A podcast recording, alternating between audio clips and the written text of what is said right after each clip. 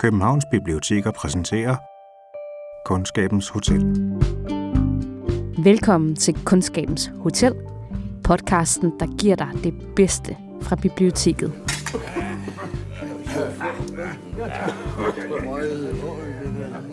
Bordet buner af hummer, rødspætter, dyre på stejer, mørbræd, kalvesteg, lam, ænder, gæs, kapuner, vibæg, laks, oksetunge, rødvin, hvidvin, porter og madeira, når de danske ededolke holder møde på hotellet i Gammelkøbing.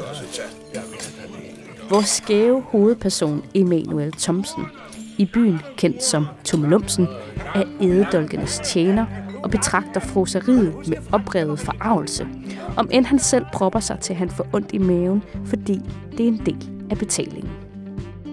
Hygleriet, dekadancen, selvgodheden og småligheden blandt Gammelkøbings beboere bliver spidet på det groveste og sjoveste af Gustav Hvid i det veloplagte provinsportræt Livsens ondskab fra 1899, som vi skal tale om i dette afsnit af Kundskabens Hotel. Og så den der hårdtot, som man kan stikke op i snodden på folk. Til at fortælle os om Hvids klassiker har vi Berit Freiheit. Den ligner en trold. Kan du huske de der trolde, man havde som barn? Berit arbejder på Københavns Biblioteker Lyd. Her laver hun blandt andet lydaviser. Og så producerer hun den historiske podcast Bag om København, faktisk fra skrivebordet lige på den anden side af mit. Og de sidder behageligt. Livsens ondskab er det første bind i Hvids trilogi om Gammelkøbing, og den er også lavet til en tv-serie, instrueret af Palle Skibelund i 1972. Har han sat kaffe til mig nu? Nej, for fanden. Lad mig så dog være i fred. I Livsens ondskab bliver provinsen portrætteret gennem et farverigt persongalleri. Altså det er personerne, der er de vigtige i den her bog. I den her lille introduktion vil vi præsentere dig for en række af de mest fremtrædende. Vi skal møde den forpinte, men religiøst beslutsomme Tummelumsen. Den dyrisk modbydelige tolkontrollerer Knæsted, også kendt som livsens ondskab. Og nogle af alle de andre borgere og småborgere, der tumler rundt i den fiktive sjællandske provins. Og så dvæler vi ved Hvids ondskabsfulde sprogblomster, som stadig i dag er rystende grove og uforskammet morsomme.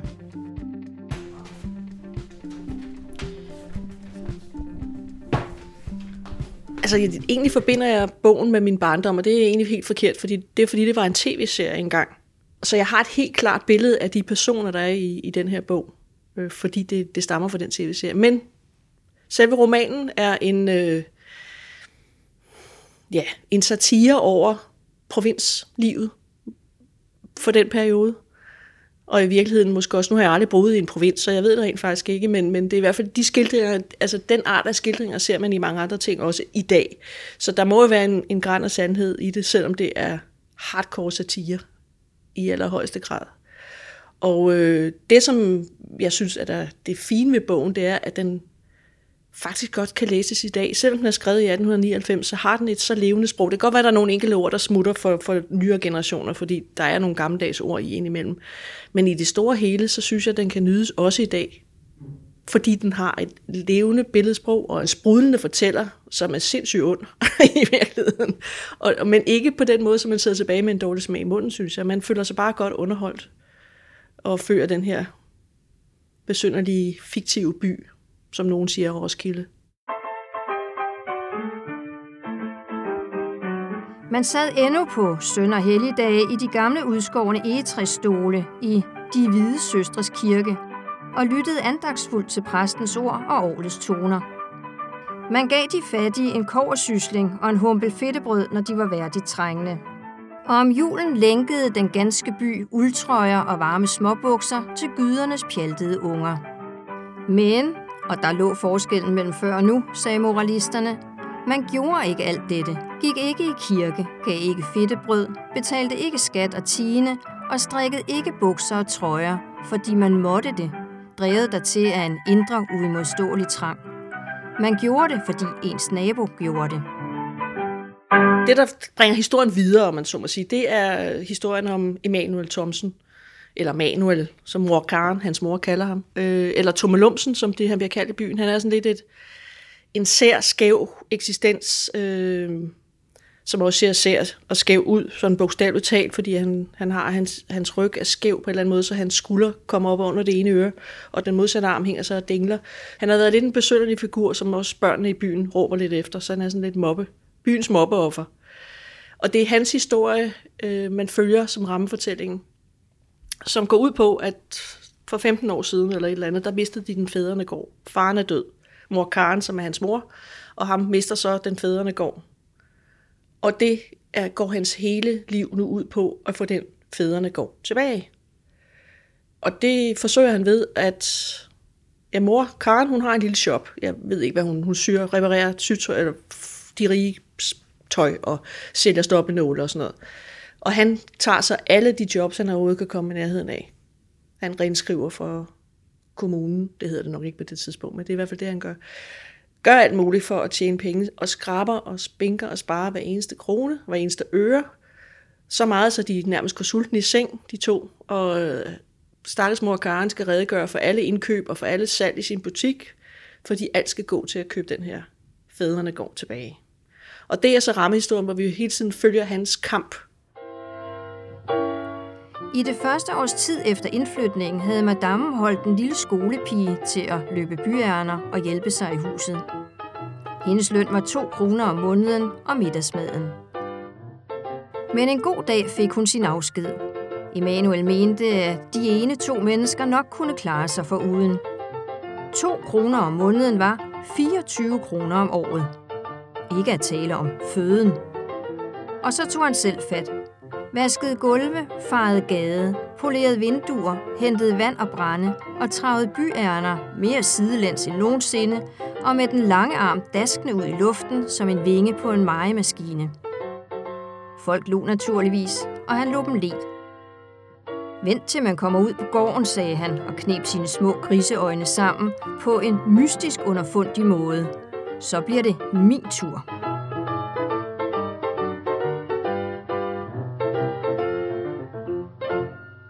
Mens vi så fører den kamp, og han bevæger sig rundt i byen, og hvad han nu ellers gør, så støder vi så på de andre karakterer i byen. Nogle mere markante end andre. Hvis man kan sige, at øh, Manuel, han er hovedpersonen måske på nogen måder, så den anden, det må være næsten være Knæsted, som er byens nytilkomling. Jeg ved, han er sådan en, der er kommet til byen som for ikke så færdig lang tid siden, da den gamle post, han er tolvkontrollør, og den gamle tolvkontrollør dør, og så kommer han så til byen. Det vil sige, at folk ved ikke rigtig noget om ham. Sådan, de gætter en helvedes masse, men de ved sådan set ikke så forfærdeligt meget om det. Og som jeg har forstået, nu har jeg jo aldrig boet i en provins, så er det meget, meget vigtigt, at man har et tilhørsforhold, i hvert fald det havde, var det vigtigt dengang, jeg ved ikke, om det er det nu. Det vil sige, at man er fremmed selv i fire generation, eller noget i den retning. Ikke? Og det er han jo så. Men han er jo ikke den ydmyge tilkommende. Han er, han er det sarkastiske midtpunkt for hele fortællingen i virkeligheden. Han hugger og hakker til alt og alle i den her by, og han er, han er decideret ondskabsfuld. Altså det er uhyggeligt, hvad han slipper afsted med at sige til folk. Og, og det forhold, som er virkelig slemt, det er, der er en konsul Mørk i byen, som har fået et slagtilfælde, eller hvad han nu har. Så han, han har en resultatet af det her slagtilfælde, så han taler dårligt, lesber, eller hvad han nu gør. Øh, har det også skidt, og er, fordi han har lige været ude at ramme døden, så han er også bange for døden nu. Altså, han er bange for at dø, simpelthen. Og det udnytter Knæsted i den grad. Der er en scene med en... Knæsted anbefaler øh, Mørk en klog kone, som kan gøre et eller andet, så han får det bedre. Og sådan, øh, han Mørk er skeptisk i starten, og synes egentlig, det, det tror han sgu ikke rigtig meget på. Men så sådan lige til sidst i deres samtale, så begynder der ligesom at, at brede sig en lille fli af håb i Mørk, konsul Mørk, om det kan være, at det her, det kan blive, det kan hjælpe ham til at få det bedre og ikke dø. Og så er det Knæs, håber til. Knæsted skævede om mod ham, og pupillerne i hans øjne trak sig ondskabsfuldt sammen, som på en kat, der fikserer en mus. Så sagde han roligt, men du skal nu på en måde alligevel tage dig i agt, Mørk. Hvad? spurgte konsulen opskrammet. Og det var som gled der ham en iskold spiral ned gennem ryggraden ved tonefaldet i tollerens stemme. Du skal være lidt forsigtig, siger jeg. Hvorfor? Jo, for over i Jylland, hvor jeg var fra, var der også en klog kone. Hmm, mørk sank mere og mere sammen. Hun leverede engang en kal noget fejl medicin. Nå, sådan folk er jo ikke fuldt så pålidelige som lægerne. Nej. De har jo ingen eksamen. De har jo ingen eksamen, siger jeg.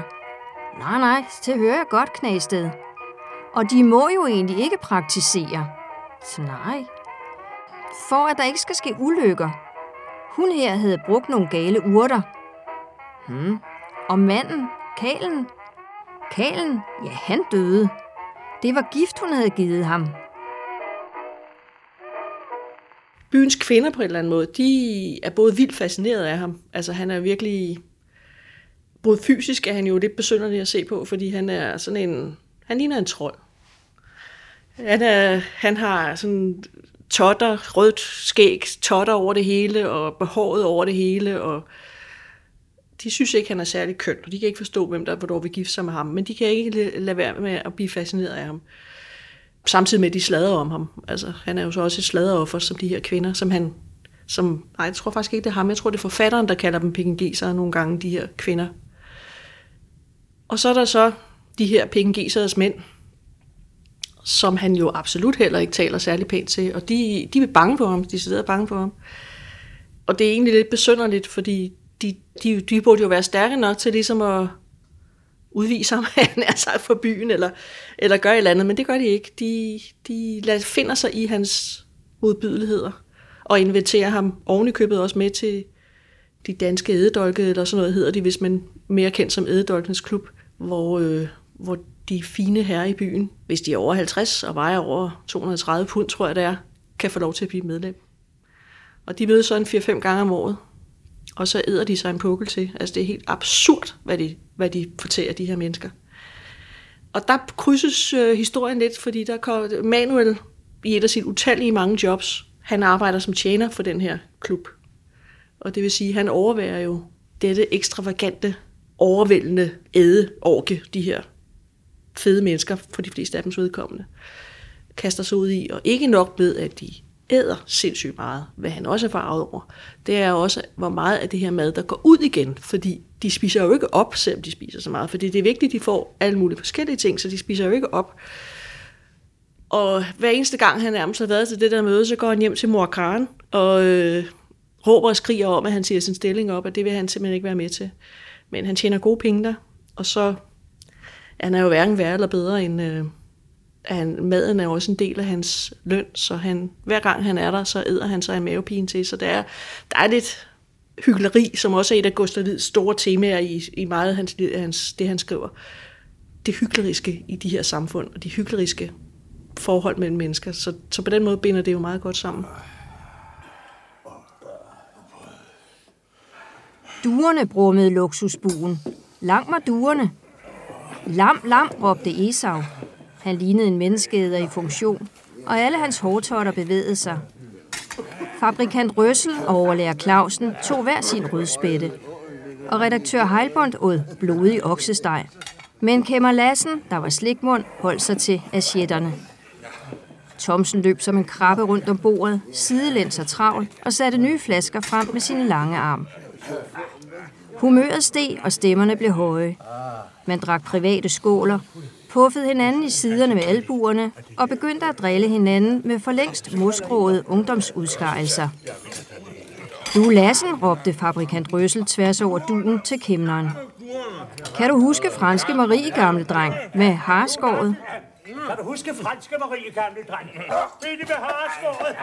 Ædedolkene er vel det billede af det bedre borgerskab, som han ønsker at skildre på en eller anden måde. Altså de, de er uhemmede, de er ligeglade med alle andre end dem selv, øh, de bruger penge på hud og en fis. Altså i virkeligheden er det jo ikke vigtigt, at de skal spise 14 hummer, eller hvad ej, det skal være en hummer til hver i den her bevægelse, han er så i den her klub. Ikke? Øh, jeg tænker på det som en karikatur, eller som en, et billede på den måde, han ser dem, der styrer samfundet på, på en eller anden måde. Det ved jeg ikke om er rigtigt. Jeg ved simpelthen ikke, hvad han har tænkt. Men det kunne man forestille sig, det var det. Det skulle ikke meget godt i tråd med han resten af satiren, af det der småborgerlighed, at, at når samfundet spidser til sig på den der måde, hvordan har resten af samfundet det så? Altså, og det er jo ikke, fordi de er specielt onde eller ondskabsfulde eller noget som helst, de her mennesker. De lever bare i deres helt egen lille ædende verden, eller hvad man skal sige og det koster også på helbredet. Og det er jo også lidt underligt, ikke? Fordi øh, sådan en mand som Knæsted bliver inviteret med i den her klub. Men jeg tænker, de er så, ja, bramfrit pissehammerne bange for ham, så, så de vil egentlig have ham så tæt på som overhovedet muligt, for at han ikke hakker til. Ikke? Altså man kan jo nogle gange, og det er det, der også er fantastisk måde, men man, nogle af de her figurer, man kan, hvor de, de fysisk skrumper, når de fornemmer, at han er på vej til angreb. Ikke? Altså det, det bliver også skildret enormt godt. Så jeg tænker, det må være et eller andet med, keep your enemy closer. Ikke? Altså du skal virkelig sørge for, at han, kan man ikke få ham til at være god mod sig på en eller anden måde. Det må være sådan noget, det handler om, for det, i virkeligheden synes jeg, det er underligt, at han er i den der ædedoldningsklub. Smør, jeg vil lige sætte smør til.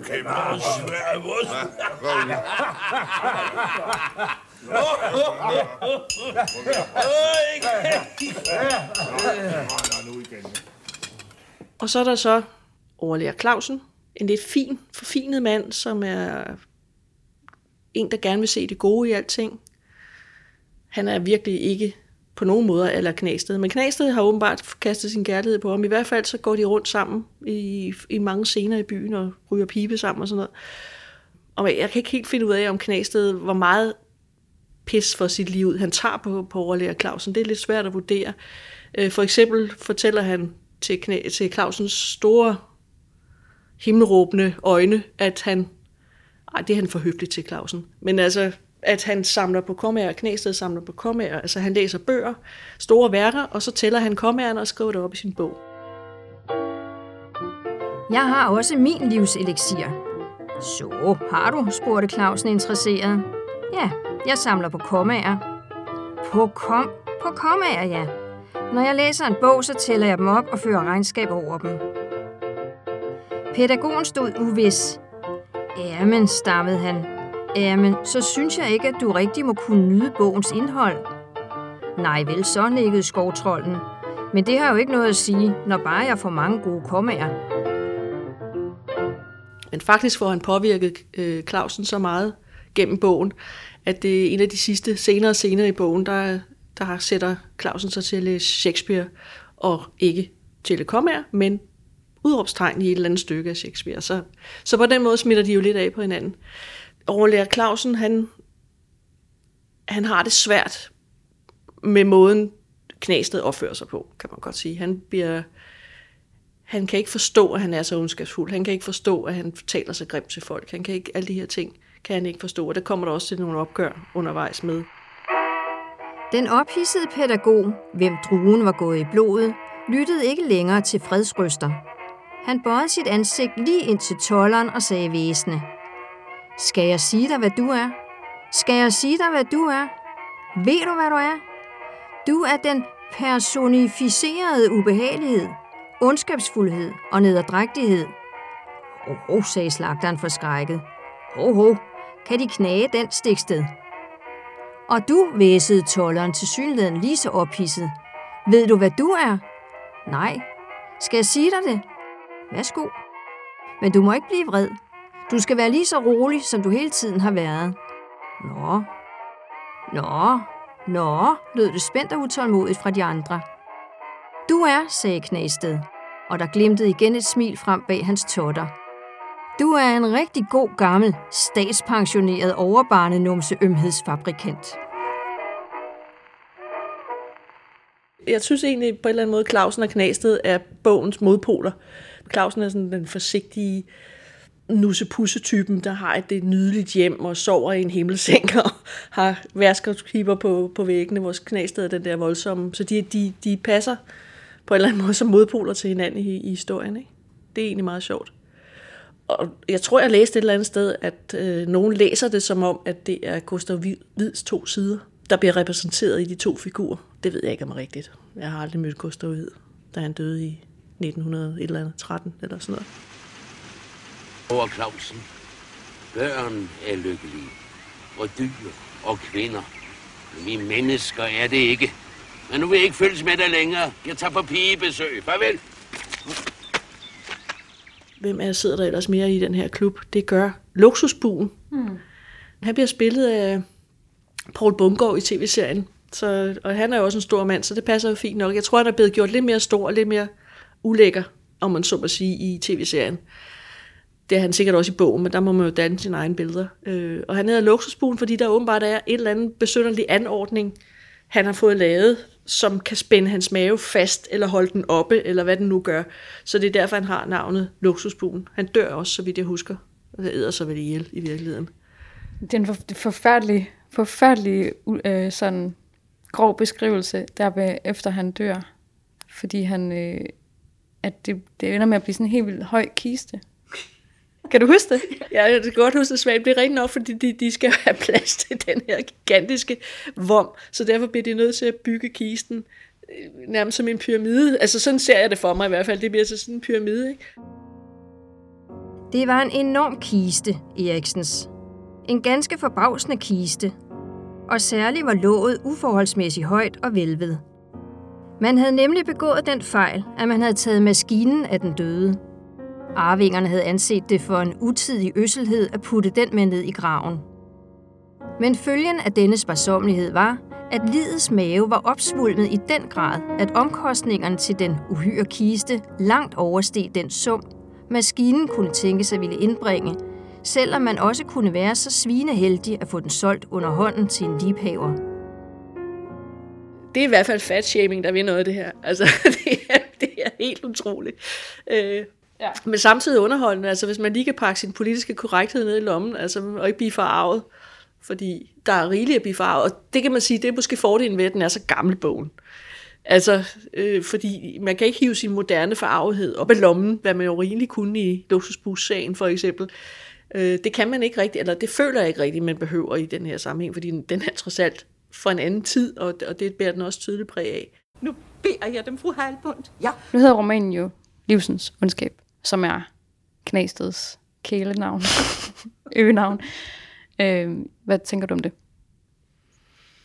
Han er jo den, der sætter øh, alt det der borgerskab, småborgerlighed, hyggeleriet i byen på spidsen, så vi andre også ser den. Og det er vel lidt også Gustav Hvids rolle, så på den måde kobler det så meget fint, at han jo i, i store dele af sit forfatterskab har gjort nøjagtigt det samme.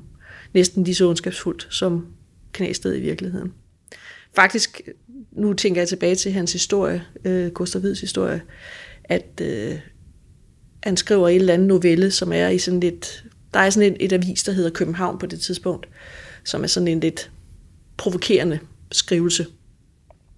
Den vækker så meget forarvelse på grund af den måde, han bruger sine ord på. Det er i hvert fald det, der står i, i dommen. Så får han rent faktisk 14 dages fængsel i Christianshavns tugt, rest på forbedringshus, eller hvad pokker det nu hedder, for sin skrivelse. Så han ryger faktisk også i fængsel på grund af de ord, han bruger. Og det viser måske lidt om, ikke fordi dengang var man jo lidt mere følsom. I dag ryger, skal der rigtig meget til, for man ryger i fængsel for at sige noget grimt om folk. Men det, det skulle man så åbenbart ikke dengang. Og han har formentlig også brugt nogle ord, han, som ikke er pæne, og måske også nogle, hvis han har brugt seksualiserede situationer, har det jo været helt galt. Nu har jeg ikke læst novellen, så det ved jeg faktisk ikke, om han har. Men jeg mener, der var en konsekvens ved at skrive, som han trods alt gjorde. Jeg synes jo stadigvæk, når man læser det nu, at, at det, er, det er voldsomt, og sådan et vulgært sprog tit. Altså, der er nogle af de beskrivelser, hvor man tænker, nå, hold da op. Ja, han er jo absolut ikke stueren. Altså, og det, det, på den måde, han, han hvad skal man sige, nutidig i sin stil, ikke fordi der er nogen, der skriver på den måde i dag, men, men han er jo meget ublu i sin måde at skrive på, og i den måde han også, altså det er en anden ting, der er fantastisk ved den her, det er altså de der beskrivelser af folk i byen. Med ganske få ord kan han jo beskrive nogen, jeg, jeg kan ikke huske, jeg tror det er overlærer Clausen, der bliver beskrevet, fordi han har meget talende fingre, han gestikulerer ved at tro, når han taler. Så han har, øh, hans hænder bliver beskrevet som slik af spars med hængsler. Altså, og det kan godt være, at det er en lidt sjov sammenblanding, men på en eller anden måde, så ved man godt, så kan man se billedet for sig, og det synes jeg mange af hans personbeskrivelser øh, der kan man se det der billede, selvom det jo absolut ikke er, er, er nødvendigvis pæne bes, øh, personbeskrivelser. Og det er også, når hver gang øh, Knæsted taler, så taler han jo ikke bare, så er det hans totter, der taler. Så, så de her totter, som han så åbenbart har stykkende ud af ører og næse og mund nærmest, de bliver meget levende. Altså hans, ved, ved beskrivelsen af, hvad måden det bevæger sig på, der, der kommer man til at fornemme, når nu ligger han op til en ondskabsfuldhed, eller altså det, giver, det bliver stemningsgivende på en, eller anden, på en helt vidunderlig måde, som, som folk ikke skriver, i hvert fald ikke, jeg støder ikke særlig meget på det her, hvis jeg overhovedet støder på det i dag, altså i den måde, man skriver på i dag, og det er egentlig lidt synd, fordi det er, det er underholdende, men det er aldrig tandløst, altså det er jo, det er jo, det kan godt være, at der står på bøgerne, det gør der, hvis det er en humoristisk roman, altså det, det vil jeg sige, det, det er også sjovt, og det er også humor, men det er langt mere satire og sarkasme, end, end, end det er humor i den traditionelle forstand. Så hvis jeg skal sammenligne ham med en lidt mere nutidig forfatter, som stadigvæk ikke er nutidig, så er det mere, altså, så er han Hans Scherfi, som også skriver på den der spidende måde, men på, på en helt anden måde. Altså, der er meget mere liv og go i Koster Hvid, synes jeg, end Scherfi. Ikke fordi jeg holder meget Scherfi, så det er ikke fordi, der er noget negativt ved det. Men Scherfi er lidt mere konventionel i sit sprog måske i virkeligheden, hvis man kan sige det sådan, end Gustav Hvid er. Altså han, det lyder som om, han har en fest, når han skriver. og virkelig borer sig ind i sit indre knæsted og henter det hele ud på den måde. du kan låne Livsens Ondskab på Københavns Biblioteker. Du kan låne den som fysisk bog, eller du kan låne den digitalt. Du lyttede til bogen. Hvor kan man lytte til den? Det kan man på e-regionen. Det er nemlig det, der er sindssygt smart. Det vil jeg helt klart anbefale. Kundskabens Hotel er produceret af Københavns Biblioteker. Mit navn er Anne Jeppesen. Vores oplæser i dag var Maiken Setti. Sikke et ord. Undervejs spillede jeg et par små klip fra tv-serien Livsens Ondskab fra 1972, instrueret af Palle Skibelund. 12.500! Vores kendingstrack er lavet af Euclid Elms. Derudover har vi spillet I Do Like To Be Beside The Seaside af John Glover Kind, Original Rags af Scott Joplin, Who's Sorry Now af Memphis 5 og Chopins Begravelsesmarsch, tredje sats, spillet af Andreas Xenopoulos. Du kan abonnere på podcasten i iTunes, og her kan du altså også finde Beats podcast bag om København. Du kan også finde Københavns Bibliotek og Lyd på Facebook. Her kan du følge med i vores podcast, og her anbefaler vi også de podcasts, som vi selv godt kan lide at lytte til. Vi lyttes ved. For friheden